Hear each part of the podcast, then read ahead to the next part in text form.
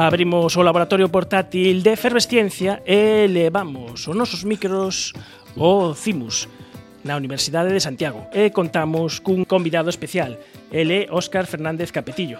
Óscar, moi boas noites. Que tal? Buenas noches a todos. Óscar dirixe o grupo de inestabilidade xenómica do CENIO, o Centro Nacional de Investigacións Oncolóxicas.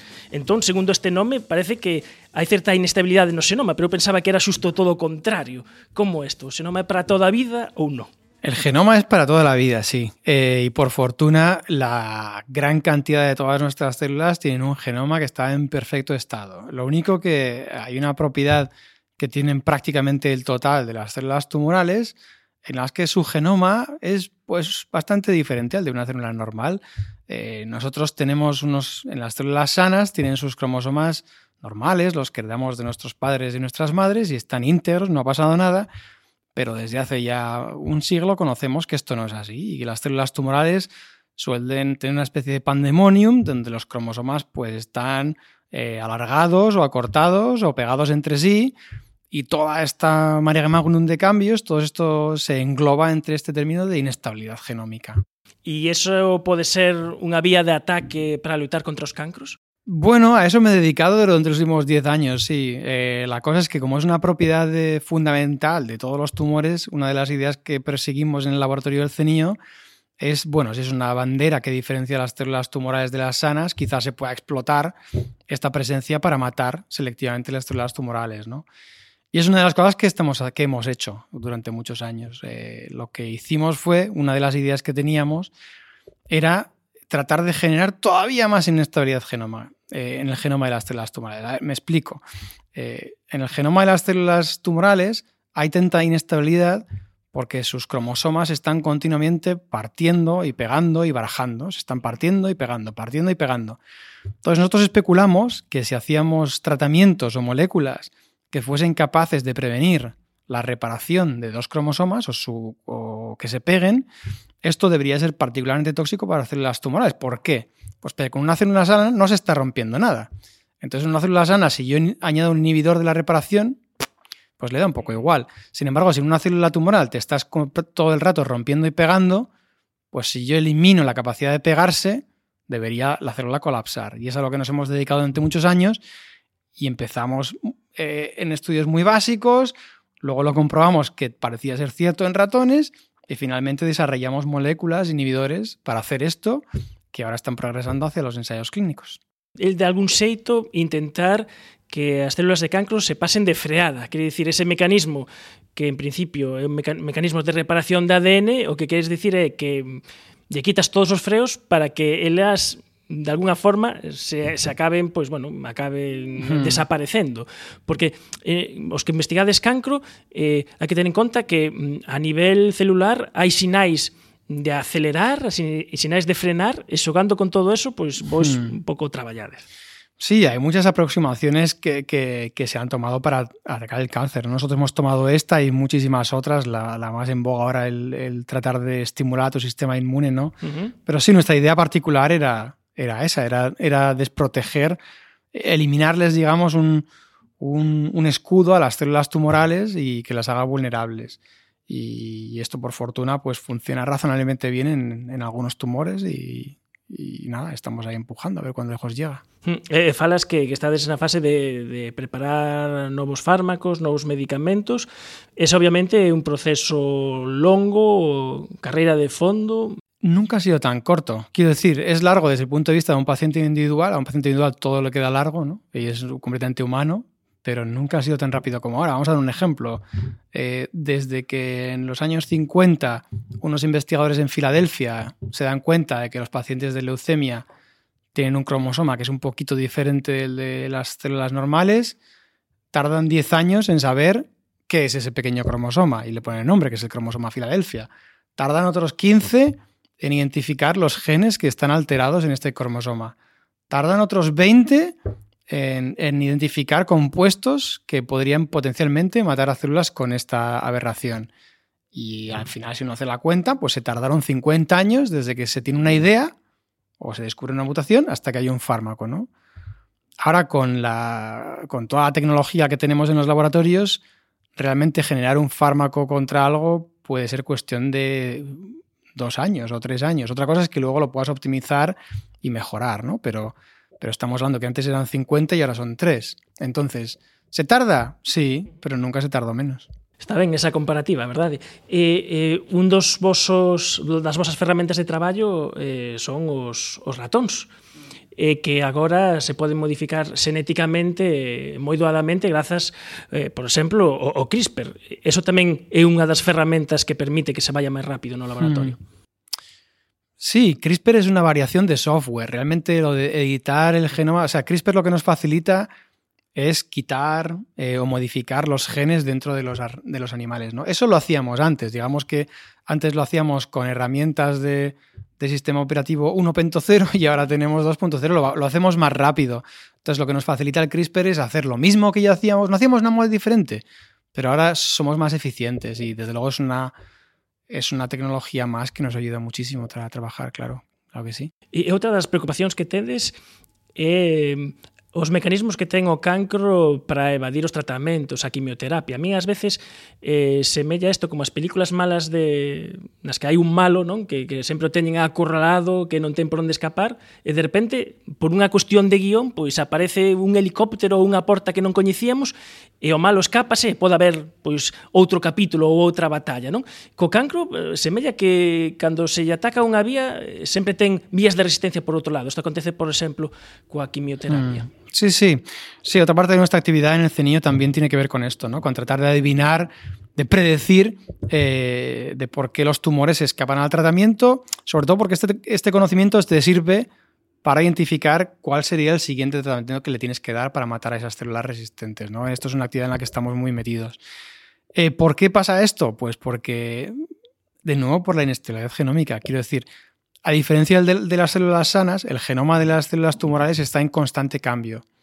Entonces esto le da una ventaja selectiva muy grande, ¿no? Porque eh, imagínate, hay un tumor y de repente se generan un millón de células nuevas. Ese tumor tiene 10, 10 millones, da igual. Entonces, cada una de las cuales tiene un montón de mutaciones diferentes. Entonces, las probabilidades de que una de estas células traiga una mutación que le va a permitir escaparse del tratamiento son muy altas solo porque, porque muta tanto, ¿no? Entonces, matarás a gran cantidad de ellas, pero aquella que trae la mutación se te escapa y va por otra vía. Entonces, lo que sí que nos permite, por ejemplo, CRISPR es eh, adelantarnos un poco y permitirnos identificar ya desde ahora qué mutaciones te van a hacer sensibles a un fármaco concreto.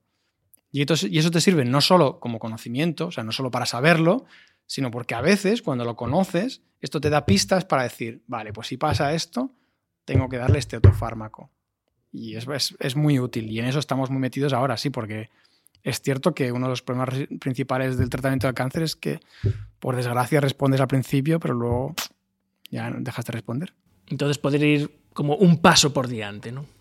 Claro, le intentamos ganar, le intentamos ganar eh, tiempo siempre, eh, pero eh, se, han escarbado, se, han, se han subido ya muchos picos y muchos tumores ahora tienen pronósticos que eran impensables hace 10 o 20 años, pero claro, los desafíos, ya los picos que quedan por escalar cada vez son más altos y más difíciles, ¿no? Nos quedan los tumores que son más mutagénicos y que por lo tanto son, son más difíciles de abordar.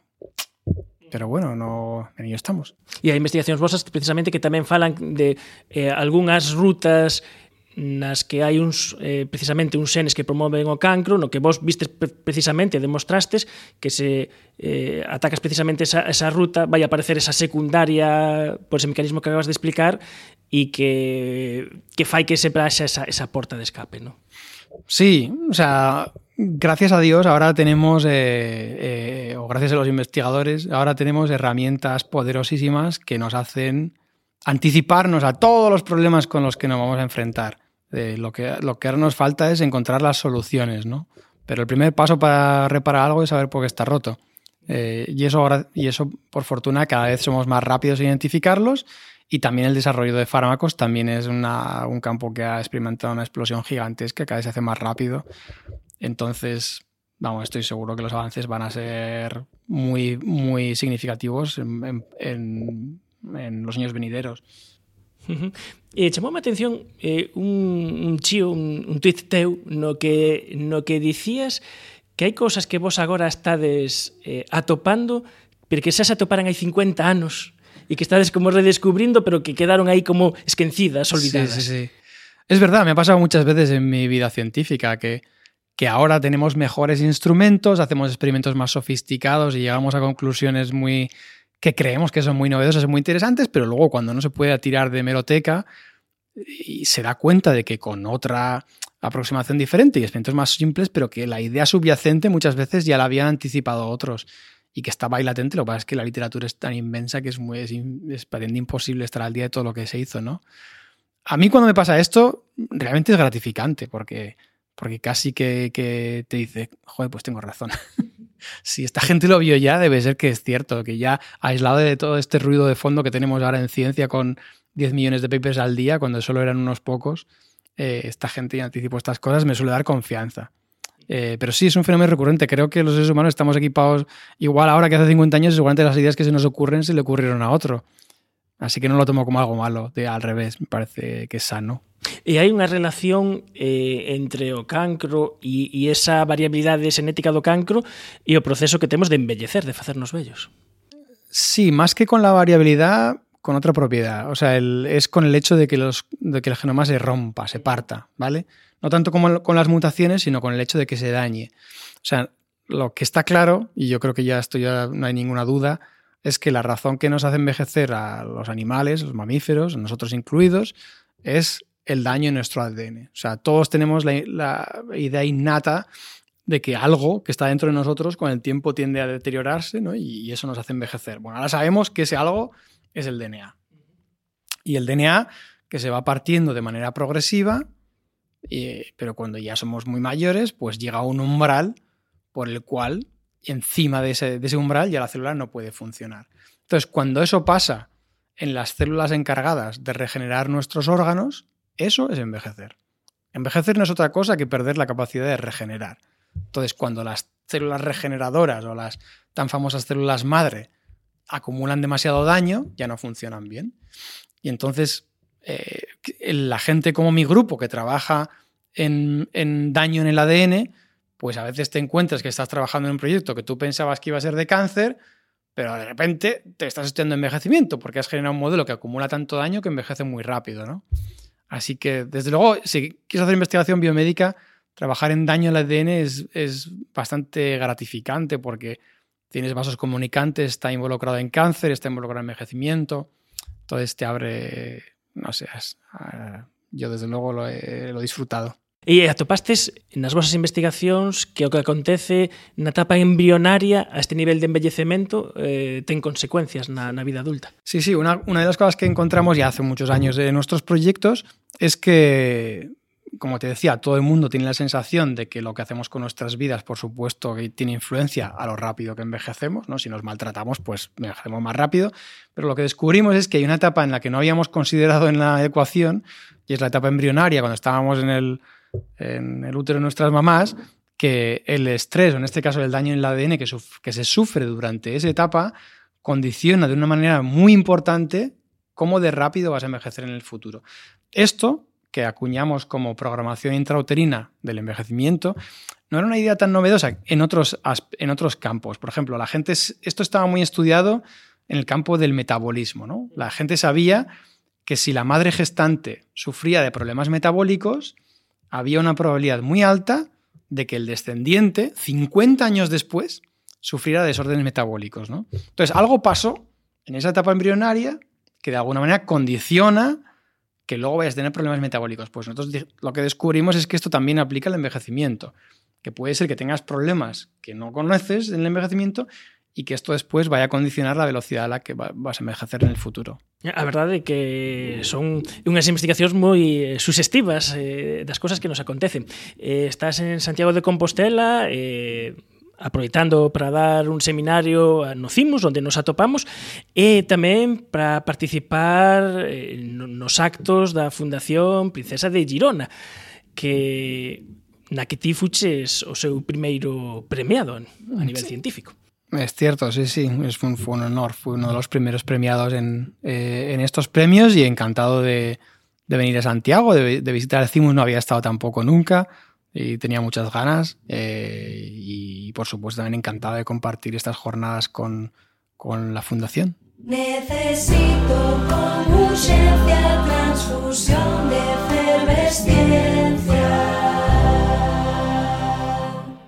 na, na charla que, que, que tiveches onte no CIMUS falabas tamén doutras das vosas liñas de investigación na que tamén eh, lle botade lo dente eh, o ela a esclerose lateral amiotrófica que polo que sabemos ata agora eh, eh, a nivel de, de vías de ataque de, de intentar buscar un tratamento de momento os investigadores vos atopades eh, cun muro pero hai grietas nese muro. Hay grietas en ese muro y por eso hemos saltado, estamos intentando saltar el muro, sí. Sí, eh, hace cuatro o cinco años realmente hubo un movimiento mundial de concienciación sobre la ELA, eh, que estuvo vertebrado alrededor de eh, lo que se llama el Ice Bucket Challenge, ¿no? Gente muy famosa que se tiraba cubos de, de hielo encima de la cabeza. Y yo, como cualquier ciudadano más, me pareció curioso, tuve curiosidad de, de ir a leer, ¿no? Interesarme un poco más allá y digo, bueno, ¿Qué se sabe aquí de ELA? Porque, ¿qué, ¿qué, se sabe de verdad? ¿Qué hay de sustancia aquí en la investigación que se ha descubierto? Y, y me encontré con un campo fascinante que realmente se ha vuelto fascinante en la última década. O sea, creo que hasta entonces, mmm, al menos para mi gusto, la investigación había sido demasiado superficial o descriptiva. No se habían hecho, aparte de saber algunas cosas, que las neuronas estaban mal, pero eso ya lo podíamos imaginar, ¿no? porque es una enfermedad de las neuronas. No, yo creo que no había habido grandes avances, pero en esta década que estamos viviendo hubo una serie de descubrimientos fascinantes, fascinantes por completo, que, nos han provisto de un modelo que creo que al menos para mí es satisfactorio para explicar eh, qué les pasa a estos pacientes de él, al menos a una fracción de ellos bastante grande. O sea, cuál es el problema y como te decía antes, lo primero y lo más importante para tratar de, de reparar algo es saber por qué está uh -huh. roto. Y ahora sabemos por qué está roto. ¿Y por dónde anda? ¿Por dónde esa vía de, de comprensión? Pues fueron una serie de mutaciones que se encontraron en un gen del que se desconocía la función, que afecta a una parte importante de los pacientes de ELA. Eh, y lo que más o menos a día de hoy, por darte una visión así muy general, lo que se ha descubierto es que esta mutación hace que las motoneuronas de los pacientes produzcan una toxina, ¿vale? Y esta toxina mata a las motoneuronas. Todo este modelo es muy satisfactorio porque realmente te explica la enfermedad, ¿no? Estos pacientes eh, producen una toxina, esta toxina mata a las motoneuronas y por lo tanto desarrolla ELA, que la ELA es, realmente se te mueren las motoneuronas, por eso la gente pierde la capacidad de moverse o pierde la capacidad al final hasta de respirar, porque las motoneuronas son las neuronas que se encargan de mandar la señal de nuestro cerebro hasta las cosas que se tienen que mover, hasta los músculos, ¿no? Entonces, se encontró que, hay, que los pacientes producen una toxina que las mata. Entonces, un buen número de investigadores en el mundo, en los que me incluyo, creo que para nosotros fue un momento de ajá. ¿Vale? Decir, ostra, esto es importante. Si realmente esto es la clave de que se mueran las neuronas, potencialmente, si encontramos estrategias para mitigar esta muerte, estaríamos con algo que potencialmente podría ser de, mucha, de mucho interés para los pacientes, ¿no? Y ahí saltamos, como han hecho muchos otros. No soy el único investigador de cáncer que lo ha hecho porque creo que mucha gente se ha dado cuenta de que hay un, de que como tú dices, había una brecha en el muro y, vamos con tierra, mar y aire. Esa unha última pregunta. Eh, es investigador do CENIO, pero tamén eh, tes grupo de investigación Instituto Karolinska, en Suecia. Es correcto, sí, eh, sí. Como é esa experiencia? Como se pode estar en dous sitios a vez? Eh, Complicado. como se traballa cos suecos? Sí, eh, bueno, nunca estoy a la vez, evidentemente, sí. O sea, mi acuerdo con, con ellos es que paso ahí una semana por mes que cuando yo lo calibré hace tres años, la verdad pensaba que iba a tener menos impacto en mí, pensaba que un, una semana al mes es, poco tiempo, pero si se hace, al final se hace, este es tiempo, ¿no? Porque también a eso le sumo otras cosas y se hace mucho tiempo. Los suecos, pues no sé, yo, la, la, ciencia es una actividad mundial, o sea que ahí trabajo con ingleses, eh, coreanos, eh, checos, me da igual, donde, o sea, no, es más en la vida de después, cuando cierro el laboratorio, en la cena o claro, en, claro. en, el paseo, ¿no? La donde parte social, claro. En la parte social donde está la diferencia Pero vamos, que yo soy muy optimista y me apaño bien en cualquier lado. Pois estivemos a falar eh, desde o CIMUS na Universidade de Santiago con Óscar Fernández Capetillo que é investigador eh, que lidera o grupo de inestabilidade xenómica eh, 12 NIO, eh, bueno, tamén con ese laboratorio no Instituto Karolinska eh, co que coñecimos pois todas estas estas investigacións. Moitas grazas, Óscar, por atendernos. Nada, a vosotros e buenas noches.